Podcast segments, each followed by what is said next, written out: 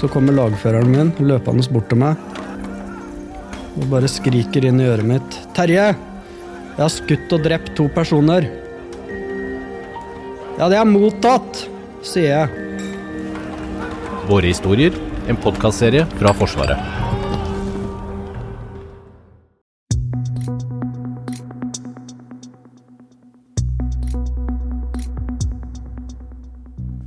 Forsvaret har 2023 vært prega av at vi gjennom hele året har stått i økt beredskap pga. den alvorlige sikkerhetssituasjonen i Europa.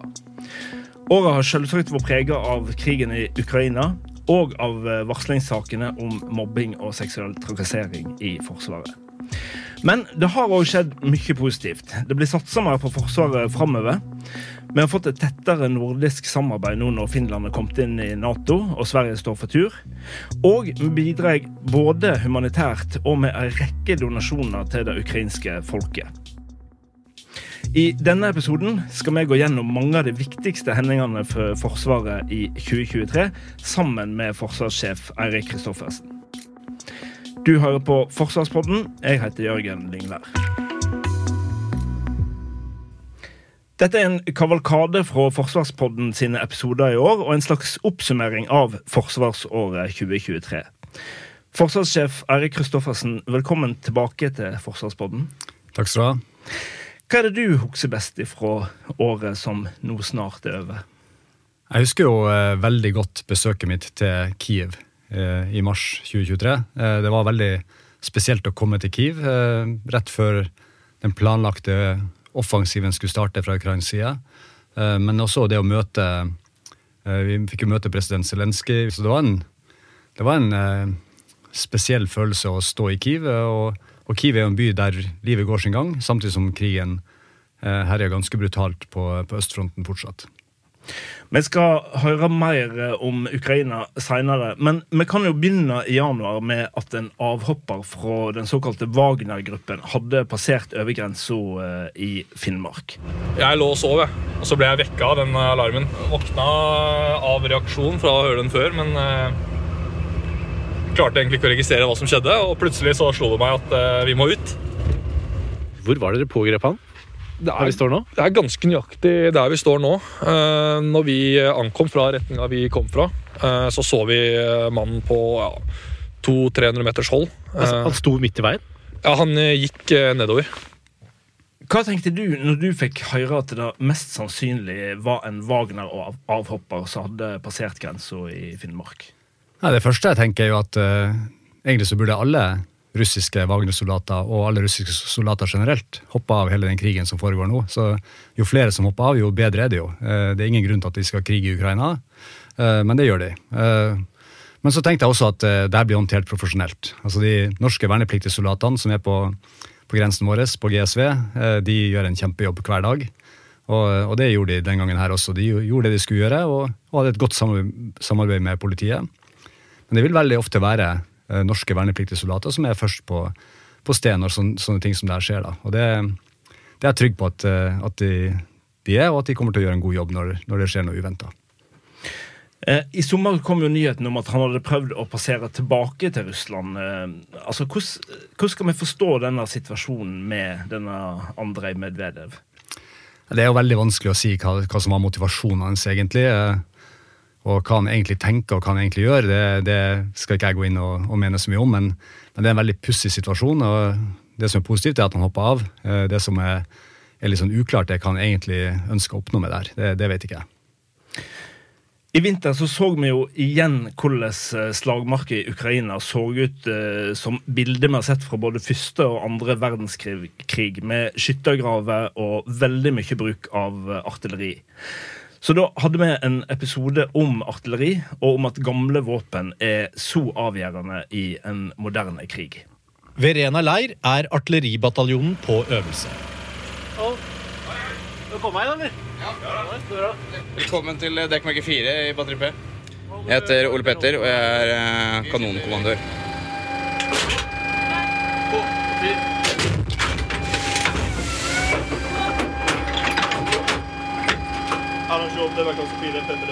Artilleri har jo fått mye fokus eh, etter krigen i Ukraina. Har du gjort, eh, har du gjort noen tanker rundt det? Det beviser jo bare nok en gang hvor viktig artilleri er. Um, fra gammelt av så sier de at artilleri slår ut 80% av uh, personellet i en krig. Og det har vi jo fått bevist nå òg med krigen som skjer i Europa. Hvor viktig artilleri er. da. Hvor overraskende syns du det er at artilleri og skyttergravskrig er aktuelt igjen i 2023? Det, det, som er trist, er jo at det er krig i Europa i 2023. Men at uh, soldaten fortsatt må grave skyttergraver. At, uh, at, krigens natur egentlig ikke har endra seg. Det, det, er brutal uh, utøvelse av vold, det som skjer i Ukraina. og da, da må soldatferdighetene være til stede. Vi må kunne grave oss ned, vi må kunne beskytte oss. og så må vi bruke uh, f.eks. artilleri for å påføre en motstander tap. Og det, det viser jo en krigen i Ukraina. Det som, er, det som er spesielt med krigen i Ukraina, er jo at ingen av sidene får brukt luftforsvaret sitt. Så da har vi havna tilbake igjen i en sånn uh, stillestående skyttergravskrig som vi nå har sett i, i lang tid. Og mye av grunnen til det er jo, er jo, for at det er luftverndekning på begge sider. Og så er det jo NASAMS, luftvernet, som har gjort, gjort, at Ukraina har klart å, å f.eks. holde luftrommet over Kiev noenlunde trygt. da. Og det, NASAMS har levert veldig godt. og og Derfor mener jeg også det er helt rett at vi investerer mer i NASAMS fremover. Det er et eh, luftvern vi hadde stor tro på, og nå har det bevist i Ukraina at, at det, det, virker. I vinter så hadde vi jo òg en kontingent bestående av fire F-35 kampfly som passer på luftrommet over Island, eh, siden Island ikke har et eget forsvar. Ja, Oppdraget til Norge her er jo å støtte det Nato-oppdraget som går på rundgang mellom allierte Nato-nasjoner, eh, for å sørge for eh, å overvåke eh, luftrommet rundt Island og respondere på det som eventuelt måtte være av trafikk som, eller militær trafikk som ikke har noe å gjøre i, i islandsk luftrom. da. Islands utenriksminister Thordis Gylvadottir sier at det betyr mye at Norge er på Keflavik for å passe på luftrommet over Island. Well, it, it, it obviously means a lot because uh, NATO's air policing mission is an integral part of uh, NATO's presence in the North Atlantic and the High North. And it's contribute to our security, both here in, in Iceland, but uh, also, of course, to, to the region. The fact that they are here, uh, I believe it matters to, to the Icelandic people. Island har jo en ekstremt strategisk beliggenhet. Likevel så har ikke de et eget forsvar. Hvordan samarbeider vi med islendingene? Vi samarbeider veldig tett med Island, både i, i Nato, men også i det nordiske samarbeidet. Så, så, Island er jo et av de fem nordiske landene, eh, og et av de tre som har vært medlem av Nato lenge. da. Nå blir jo Finland medlem, og så blir Sverige etter hvert også medlem. Så det, så det vil jo være et tett nordisk samarbeid innenfor rammen av Nato. Eh, det vi gjør med Island, er jo er å samarbeide innenfor uh, kystvakt. Vi samarbeider med dem uh, om luftromsovervåkning. Og vi gjør f.eks. oppdrag som Island Air Policing, som det heter på, på, på, engelsk. Og det skal vi gjøre i 2024 også. Så jeg gleder meg til å komme og besøke Island til januar og se på det nye oppdraget vi skal gjennomføre der. Men Island er, som det blir sagt også av, av utenriksministeren, strategisk viktig også for, for alliansen. I februar så kom jo eh, Etterretningstjenesten sin årlige rapport om eh, trusler mot Norge, den såkalte Fokusrapporten. Etterretningstjenesten er tydelig på at eh, nå er det Russland og Kina som utgjør den klart største trusselen mot Norge. Vi skal høre assisterende sjef i Etterretningstjenesten, Lars Nordrum, fra framleggelsen av Fokusrapporten i februar. 24.2 i fjor våknet vi til et nytt sikkerhetspolitisk landskap. Invasjonen har tydeliggjort trusselen Russland utgjør mot nabostater og mot Nato. Tidsskille er det riktige ordet. Det er ingen vei tilbake. Russlands invasjon markerer et varig brudd med Vesten. Russland og Kina forblir de fremste trusselaktørene mot Norge og norske interesser. I Europa fortsetter Moskva å forsøke å så splid og bryte ned samholdet for å svekke vestlig støtte til Ukraina. Det er ikke så lenge siden terrorisme var den største trusselen eh, mot eh, Norge, mens nå er det plutselig Russland og Kina. Eller er det altså plutselig? Russland har jo alltid vært eh, dimensjonerende for vår sikkerhet. Altså det, det, er naboen vår. Eh, og selv når vi var i Afghanistan, så fortsatte Etterretningstjenesten å holde et godt øye med det som skjer på russisk side. Så Norge slapp aldri fokuset på, på Russland. Eh, det samme gjorde heller ikke Finland, nabolandet vårt. Så det har alltid vært sånn at vi har fulgt med på det som skjer i Russland. Og, og Russland sin, sin, betydning for våre nærområder er, er stor, fordi at Russland har store deler av sin strategisk avskrekking, som vi kaller det. Altså atomvåpnene sine. Bare noen kilometer fra, fra den norske grensa. Så betydningen av nordområdene har også økt som en følge av et uh, eh, svekka Russland så rent konvensjonelt militært sett uh, eh, pga. krigen i Ukraina. Og så er det ikke sånn at Kina blir ikke definert som en trussel verken av Nato eller, eller Norge. Men uh, Kina er en utfordring fordi at de, de bruker virkemidler, uh, som vi har sett. Uh, både for å skaffe seg informasjon, men også for å, for å opptre på en litt uh, mer aggressiv måte i Sør-Kina, som utfordrer internasjonal rettsorden. Så det, det sammensatte bildet her. Ja, og Kina bygger jo voldsomt opp eh, forsvaret sitt nå, iallfall eh, sjøforsvaret sitt. Ja, Hvis vi ser det her over tiår, så når jeg begynte i Forsvaret i 1988, så var ikke Kina et veldig velutvikla forsvar. Det var en stor hær basert på mye verneplikt, mens det er en helt annen type forsvar vi ser i Kina i dag, eh, med en stor, stort sjøforsvar, betydelig atomvåpen, eh, modernisert luftforsvar og en, eh, en tydelig ambisjon om å være, være en av de ledende militærmakten i verden i løpet av, av kort tid. Og de konkurrerer jo faktisk også med USA om å bli den største militærmakten. Et stort eh, jordskjelv rammet Tyrkia og Syria i vinter, og mer enn 50 000 døde i eh, skjelvet. Forsvaret sendte et Hercules-fly til Tyrkia for å evakuere skadde ofre etter naturkatastrofen. Hvis det ikke er flere bårepasienter, så uansett så kan vi heve henne sånn at hun er høyere enn han. Er dere ikke enig i det, Espen?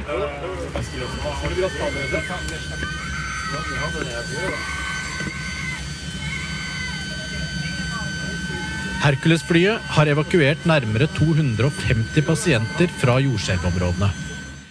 Når et eh, Hercules-fly blir sendt ut på et sånt eh, oppdrag, er du med på å bestemme at det er noe Forsvaret skal eh, være med på? Jeg, jeg gir jo fagmilitære råd til, til regjeringa, og det er de som til slutt tar avgjørelsen.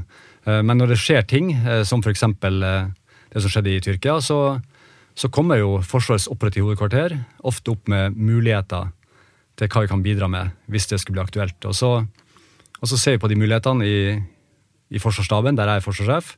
Men beslutninga er det jo til slutt eh, regjeringa som tar, om, eh, om, hva Forsvaret skal bidra med utenfor eh, landets grenser. da. 24.2 så var det jo ett år siden det brøt ut fullskala krig mellom Russland og Ukraina. Og omtrent samtidig så sendte Norge ned åtte Leopard 2-stridsvogner til Ukraina. På Setermoen så møtte vi noen av de vernepliktige som ga fra seg vognen sin til eh, Ukraina.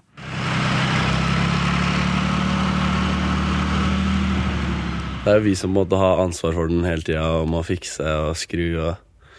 Så ja, man har jo litt eh, eierskap til vognen.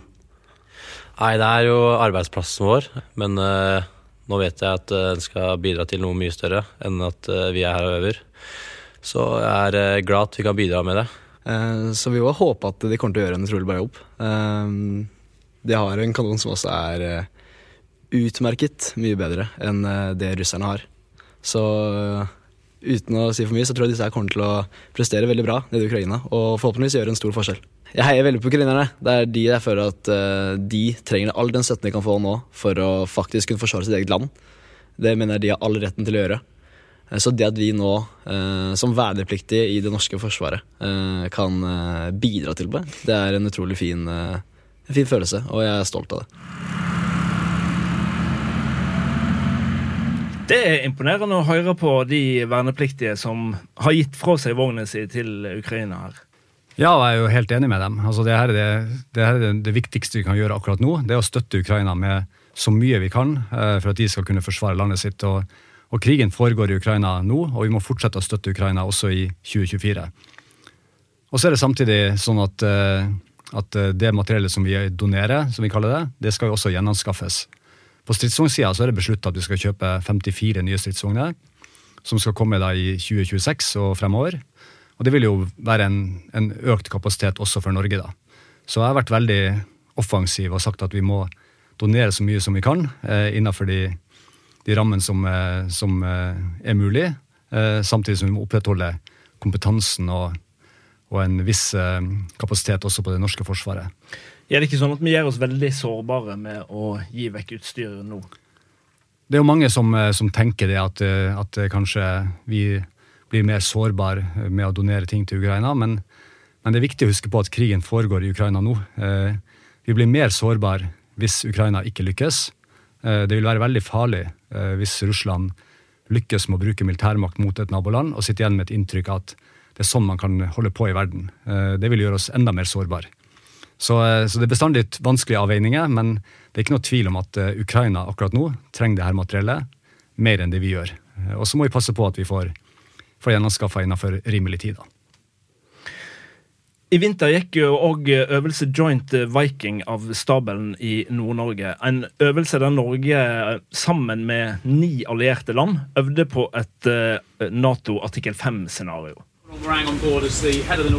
Om bord på HMS Albion, et av de britiske krigsskipene som seiler rundt i havområdene våre, trener engelske soldater på å hjelpe Norge i en krigssituasjon. The, the security situation in, in, in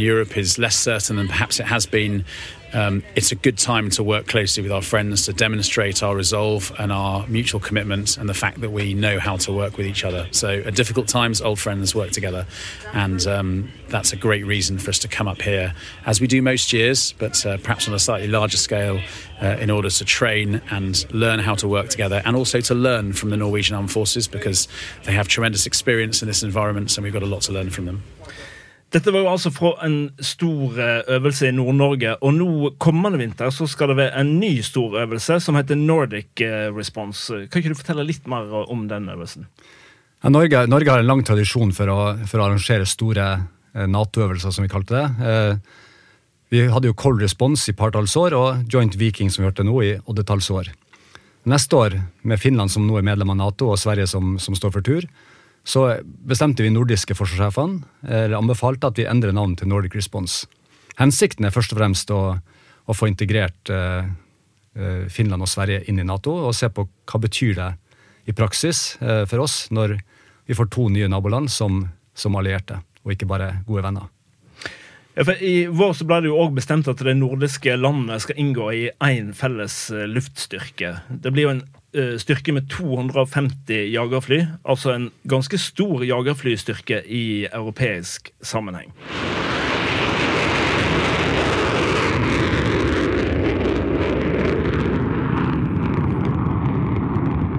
Morten Hanke han er kampflypilot og flyr F-35. Norden alene blir en svær aktør på, når det gjelder luftmakt, da, isolert. Um, så mange kampfly. Da blir det jo en, en betydelig styrke da, som jeg, som jeg tviler på at, uh, at, russiske forsvarsplanleggere kan se bort ifra. Ja, Er du enig med jagerflypiloten her i at uh, russerne ikke kan se vekk fra en så stor uh, luftstyrke? For det første så er Nato en forsvarsallianse. så... Så Nato truer ingen, og Norden truer heller ingen. Det, men det er klart hvis Russland kalkulerer med å gjøre noe mot de nordiske landene, så må de jo ta inn over seg at uh, her er det en, en, sterk luftstyrke som også er til stede hver dag, uh, pluss at vi er medlem av en allianse med enda større kapasiteter.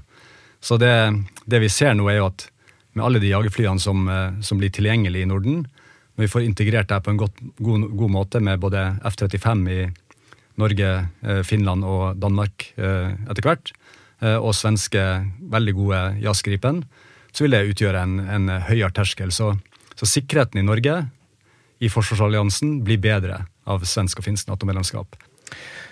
I vår kom det jo eh, flere store rapporter og analyser. og Først ut var Forsvarets eh, forskningsinstitutt sin forsvarsanalyse 2023, før Forsvarskommisjonen la fram eh, sin rapport. Og til slutt forsvarssjefen, altså du, la fram det som heter fagmilitært råd, som er ditt råd til hva politikerne skal satse på framover. Vi skal høre litt fra leder av Forsvarskommisjonen, Knut Storberget, sin framlegging av rapporten. Og kommisjonens vurdering er at vår forsvarsevne ikke svarer til den sikkerhetssituasjonen vi befinner oss i i dag. Forsvaret vårt er lite og sårbart. Egenevnen er for svak, og utholdenheten for lav. Mangelen kan skyldes en politikk over år basert på økonomiske forhold og en mindre prekær, prekær sikkerhetssituasjon. Kommisjonen skriver at i dagens situasjon så framstår en slik politikk direkte uansvarlig. Er du enig i uh, Forsvarskommisjonens vurdering her? Jeg er enig i at eh, Forsvaret har vært underfinansiert over mange år. Eh, det ser vi også i forhold til de målsetningene som er lagt i langtidsplanen. Så mangler det betydelige summer for å få det forsvaret vi har til å virke. da. Og så er jeg også veldig enig med det Forsvarskommisjonen beskriver også, i forhold til, til det viktigste i Forsvaret, som er personell og kompetanse. Vi må gjøre noe enda mer for både å beholde og videreutvikle det personellet og den kompetansen vi har i Forsvaret. Vi rekrutterer veldig bra i bunn. Fra vernepliktige og fra andre som ønsker å jobbe i Forsvaret. Men vi ser også at folkene våre er veldig ettertrakta og får veldig mange andre tilbud. Eh, da må vi gjøre alt vi kan for å, for å beholde eh, folk lengst mulig og også videreutvikle kompetansen til menneskene våre. Så, eh, så 2024 kommer til å være en satsing på personell og kompetanse i, i Forsvaret. Kort tid etter Forsvarskommisjonen sin rapport så kom du med det som heter Forsvarssjefens eh, fagmilitære råd. Hva var eh, de viktigste punktene dine?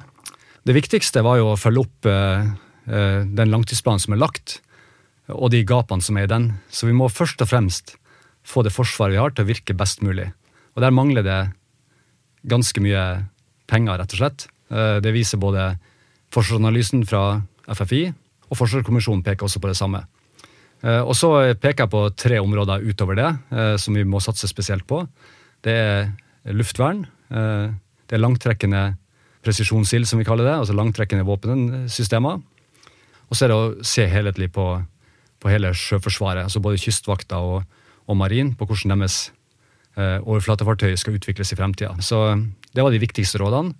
I tillegg til at jeg mener at, at volumet på personellsida er for lite, så vi må også finne løsninger på hvordan vi skal utnytte reservister bedre, eh, hvordan vi skal utdanne flere, eh, hvordan vi skal øke volumet for å minske belastninga på, på, folk som er inne til, til daglig.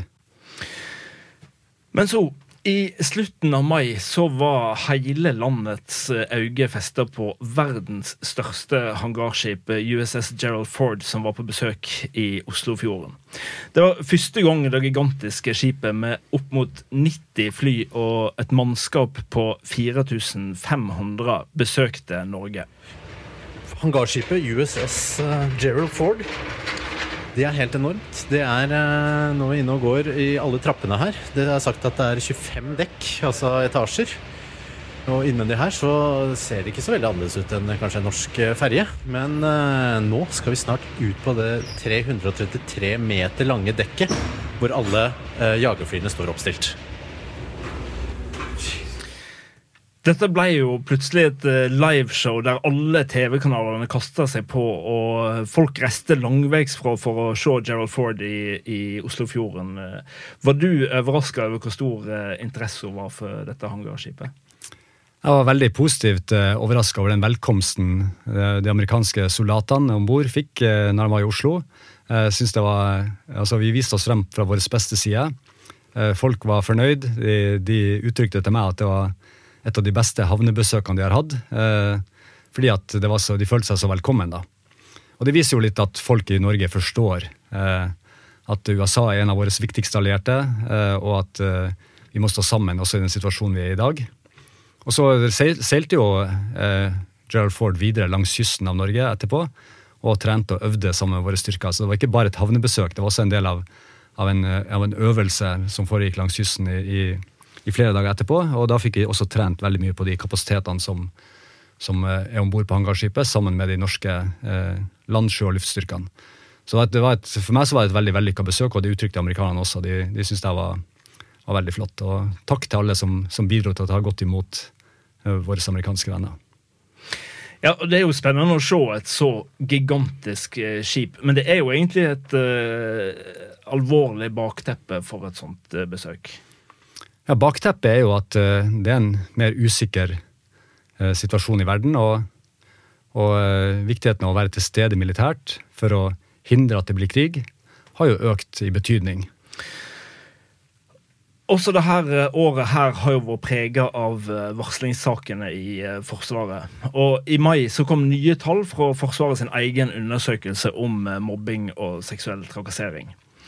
Vi skal høre litt fra Kari Røren Strand, som er forsker på Forsvarets eh, forskningsinstitutt, eh, og som har laga denne rapporten fra undersøkelsen om eh, mobbing og seksuell trakassering. Men allikevel, 24% av menige og studenter, det er også da de yngste, har opplevd en eller annen form for mobbing de siste seks månedene. Det høres jo utrolig mange ut. Ja, det gjør jo det. Men hvis vi sammenligner, altså mobbing kan du egentlig sammenligne opp mot andre undersøkelser. For det er, er en norsk forskningsgruppe i Bergen som har utvikla et eh, spørsmålsbatteri som er ganske likt eh, det, det vi bruker. eh, Hvor man måler på en rekke hendelser der også. Og de avdekker sånn 15% av tallene ligger rundt sånn 15% i norsk arbeidsliv, da. Så mm, kanskje ville sagt at det lå omtrent som i norsk arbeidsliv, litt høyere for de unge. Eh, Men det er en god nyhet her, da, og det er at vi ser en nedgang i forekomsten av seksuell trakassering blant kvinnelige menige sammenlignet med tallene fra 2020. Eh, Og den nedgangen den er på 13 prosentpoeng, eh, og den endringen den skjer hovedsakelig innenfor formen kjønnstrakassering. I vår så henta du inn generalmajor Elisabeth Mikkelsen for å lede et team som bl.a. skal jobbe med mobbing og seksuell trakassering i Forsvaret. Hva er forventningene dine til arbeidet som eh, legges ned der? Forventningene mine er jo at eh, vi kommer til å lykkes enda bedre i arbeidet mot all form for mobbing, trakassering, uakseptabel oppførsel i Forsvaret. Og at vi klarer å håndtere eh, de tingene hvis det skjer et overgrep, en uakseptabel handling, på en enda bedre måte. Så det, det er forventningen at vi blir bedre både på forebygging, som er det aller viktigste, men også at vi følger opp de tiltakene som, eh, som vi har sett i bl.a. evalueringa fra, fra PwC, som gjennomførte en, en evaluering av varslingssystemet i Forsvaret. At vi blir bedre på, på å håndtere varsel når det skjer. Eh, Så forventningen er stor, eh, og vi skal jobbe hardt videre med det her. Forsvaret har gjennomført de her undersøkelsene siden 2018. Ganske omfattende undersøkelser, der vi avdekker også det som, som ble påpekt her, nemlig kjønnstrakassering. Og vi definerer kjønnstrakassering som seksuell trakassering, eh, for vi skal, bort, eh, vi skal bukt med all uakseptabel atferd. Også det som, som mange sier er mindre alvorlig. Men det er veldig alvorlig. Det er veldig alvorlig å, å bli utsatt for kjønnstrakassering i et forsvar der alle er avhengig av alle.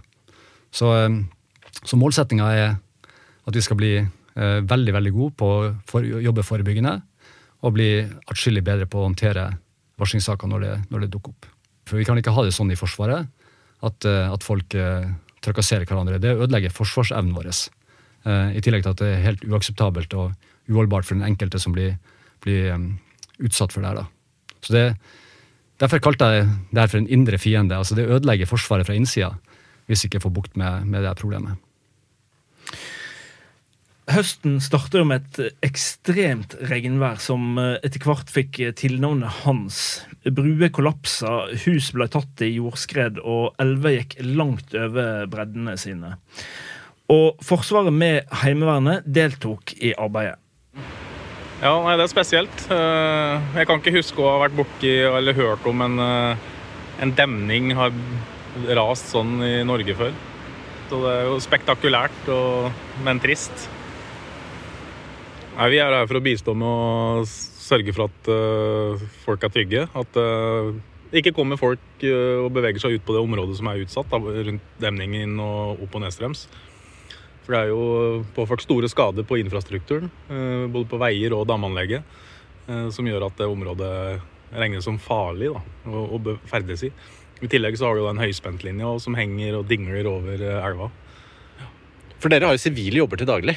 Jeg er bonde akkurat nå. Eh, og er jo selvfølgelig har jo tre unger hjemme, så da, du må jo ha litt logistikk da, før du får eh, dytta dem eh, dytta deg av gårde sjøl. Så det er jo noe infrastruktur der òg som må i gang. Hvor mange oppdrag er det du er ute på i året? Ja, nå er jo den hendelsen her, da. Og så var det jo, hadde jo området vårt vakt på grensa under covid nå. Det varte jo lenge. Dette er jo eksempel på at Forsvaret òg bistår eh, det sivile samfunnet når det trengs. Eh, kan ikke du si litt eh, om hva mer Forsvaret har, Heimevernet mener jeg, har gjort i år? Heimevernet har jo først og fremst bistått i den store operasjonen som var under, under hans. Det Heimevernet har gjort i tillegg, er jo, er jo å, trene opp ukrainske soldater. De har stått både i Interflex, som operasjonen het i Storbritannia, med rekruttutdanning men også utdanning av ukrainere i Norge. Eh, spesielt det vi gjør i Stjørdal. Eh, og så har Heimevernet bistått i forhold til vakt og sikring på olje- og gassinstallasjoner, for å nevne noe. Ja, for det har jo òg vært eh, store øvelser, og Forsvarspodden var med en natt når 3000 heimevernssoldater øvde i Oslo sentrum i september. Hei. Vi kommer fra Heimevernet. Hei. Var det greit om vi bare tar en liten titt i bilen din? Ja, selvfølgelig. Ja, ja jeg syns det er bare bra, jeg. Ja. At de gjør, eh, er synlige og er, eh, gjør den jobben de skal. Det er veldig bra. Ja, det ser bra ut. Du kan bare kjøre gjennom. Takk skal du ha. Det er godt å være synlige i hele byen. ja, hvorfor er det viktig at eh, Heimevernet og Forsvaret er synlige òg i bybildet? Det viktigste er jo at Forsvaret er beredskapsklart. At eh, folkene i Forsvaret kjenner oppdraget sitt og får trent og øvd på det. Eh, og så er det jo en effekt av at eh, vi trener på oppdrag, at vi også blir synlige. Og Heimevernet i Oslo har jo, har jo, oppdrag i Oslo. Og da, når de da øver, så vil de jo komme i kontakt med, med lokalbefolkninga. Og, og, det vi opplever, er jo at, at, at det er stor tillit Heimevernssoldatene våre. Ja, Du hører jo her at han, eh, han, som får sjekka bilen sin, han er egentlig bare fornøyd med, med, med at de er ute. Ja, vi, som jeg sa, altså tilliten til den norske soldaten blant den norske befolkninga er veldig høy. Eh, folk i Norge stoler på norske soldater i uniform, eh, og det skal vi ikke ta for gitt. Så da må vi fortsatt ta vare på den tilliten. Og, og da, da, med sånne øvelser som vi gjorde i, i Oslo, så, så vil jo så vil jo folk få se at, at, vi er til stede. og Derfor er det også godt å høre at, at folk setter pris på at vi er der.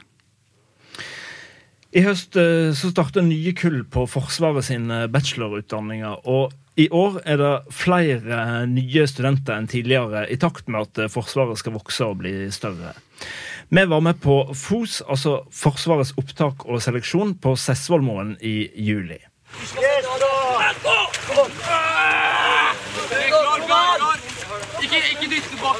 Det er mer enn 3000 søkere til de 320 plassene på Forsvaret sine utdanninger. Kom igjen! Løp, da! Løp, løp, løp! En, to, to, tre, tre, fire, fire, fem Er det tøffe opptaksprøver for å komme inn på Forsvaret sine utdanninger? Ja, vi har jo satt noen, noen krav. Eh, og så er det jo sånn at det, det, er såpass mange som søker, da. At det blir også en konkurranse ut av det her. Eh, så de som kommer inn, er jo opplagt kvalifisert og, og fortjener plassen sin. Eh, samtidig så, så, er det jo eh, Tenker jeg mye på de som ikke kommer inn.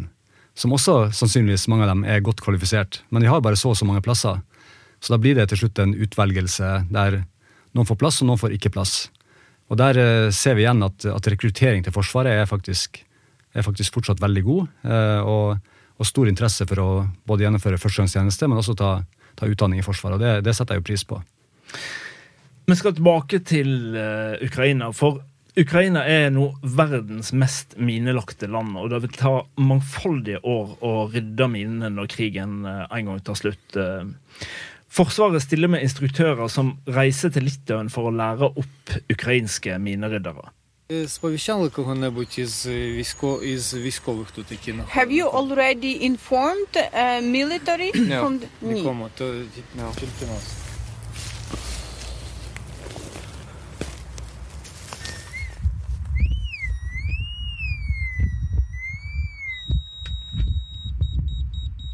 Norge bidrar altså både med våpen og ammunisjon til Ukraina, men òg med mye opplæring av ukrainske soldater. Eh, hvordan har det gått?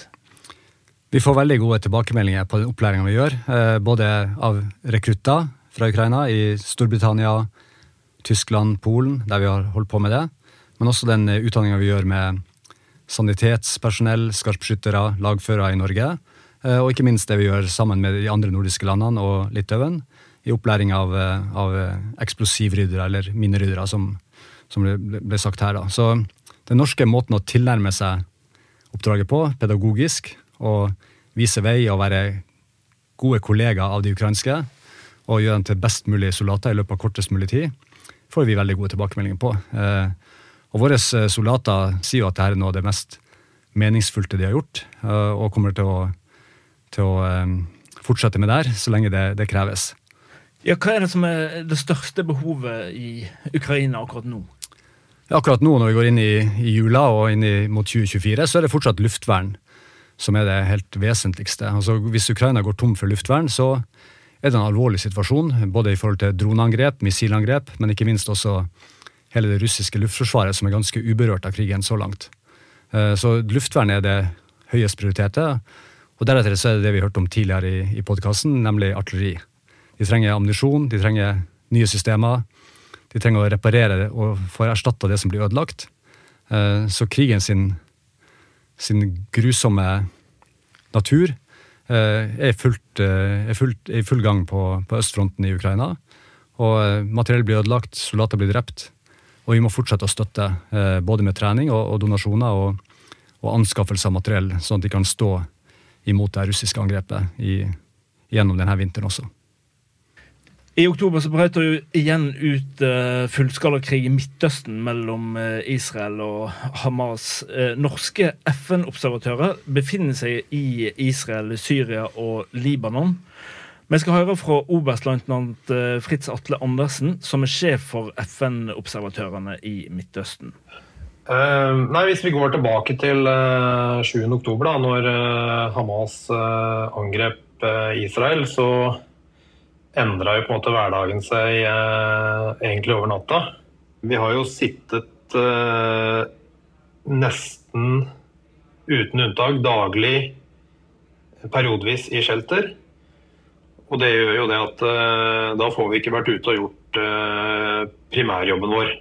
Ja, Her hører vi folk som sitter i bombeshelter eh, daglig. Hvordan vurderer Forsvaret sikkerheten til de som er ute på FN-oppdrag eh, verden rundt?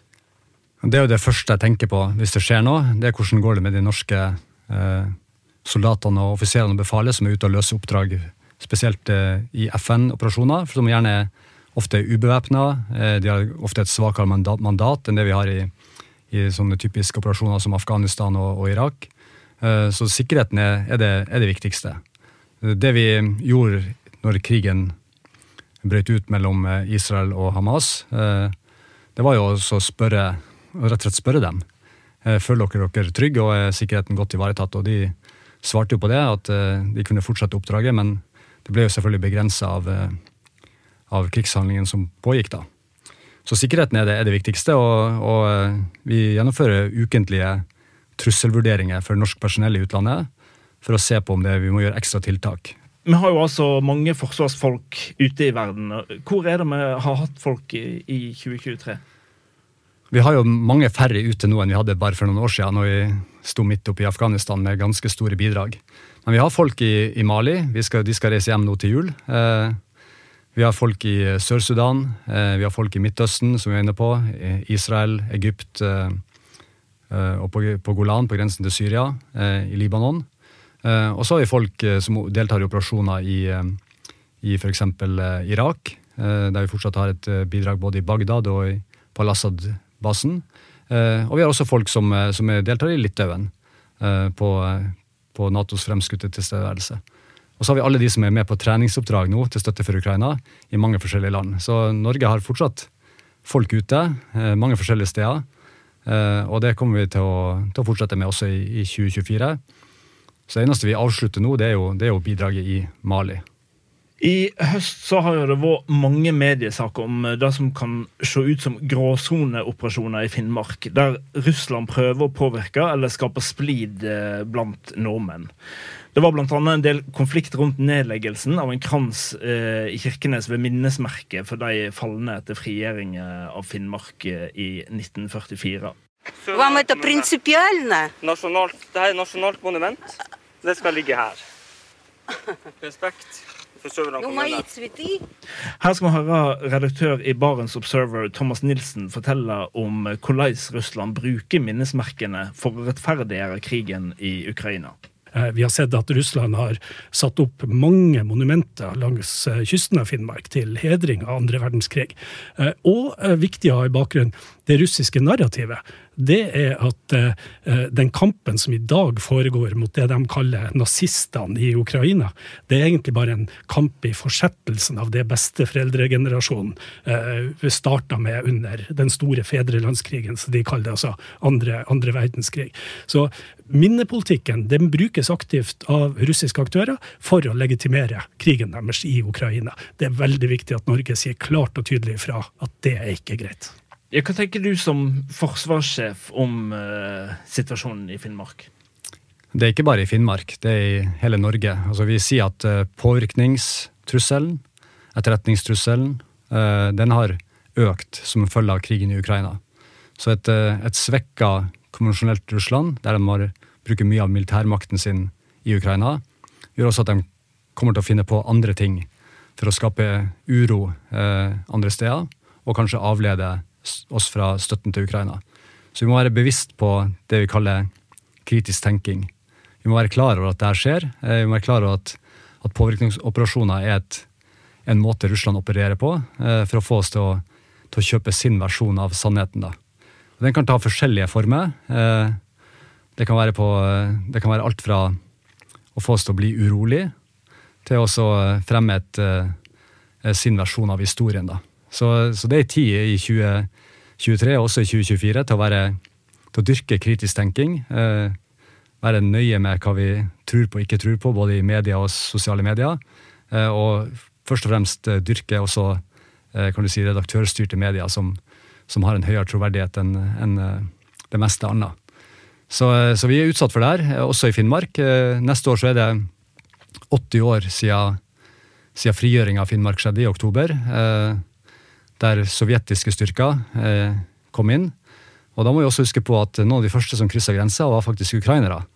Eh, for det var ikke bare russiske styrker, det var også sovjetiske styrker. Eh, så noen av de første som kryssa grensen til, til Finnmark, var fra Ukraina. Og, og det viser jo hvordan historien er, men også hvordan den kan endres når de her minnesmerkene blir brukt til å vise russiske, eh, den russiske versjonen av historien. Ja, det her var jo en gjennomgang av noen av de tingene som har skjedd i Forsvaret i 2023. Hva ser du fram til i 2024? Jeg ser frem til å fortsette å videreutvikle Forsvaret. Eh, Jeg ser frem til, til det videre arbeidet med, med Finland og Sverige spesielt, eh, at de blir medlem av Nato. Eh, Og så har vi et, et tydelig prioritet i Forsvaret på, på å satse på personell og kompetanse. Og så vil nok 2024 også være et år som er prega av krigen i Ukraina. eh, Og vi skal fortsette å støtte Ukraina eh, med alt vi kan. Eh, Og det blir en stor operasjon for Forsvaret også i 2024. Men jeg, jeg gleder meg til å ta fatt på, på nye utfordringer på nyåret. Flott. Da må du ha tusen takk for at du kom, og så må du ha ei god jul snart. Hvor skal jul feires i år? Ja, siden jeg ble forsvarssjef, så har jeg feira jul på Akershus festning, og det kommer jeg til å gjøre i år òg. Det, det føler jeg er en del av jobben, og jeg setter også veldig stor pris på det. Eh, Å få lov til å feire i så ærverdige omgivelser som vi har her på Akershus festning, så det er planen i år også. Så vi ønske alle lytterne våre ei god jul og et godt nyttår. Forsvarspodden er tilbake med nye episoder i januar.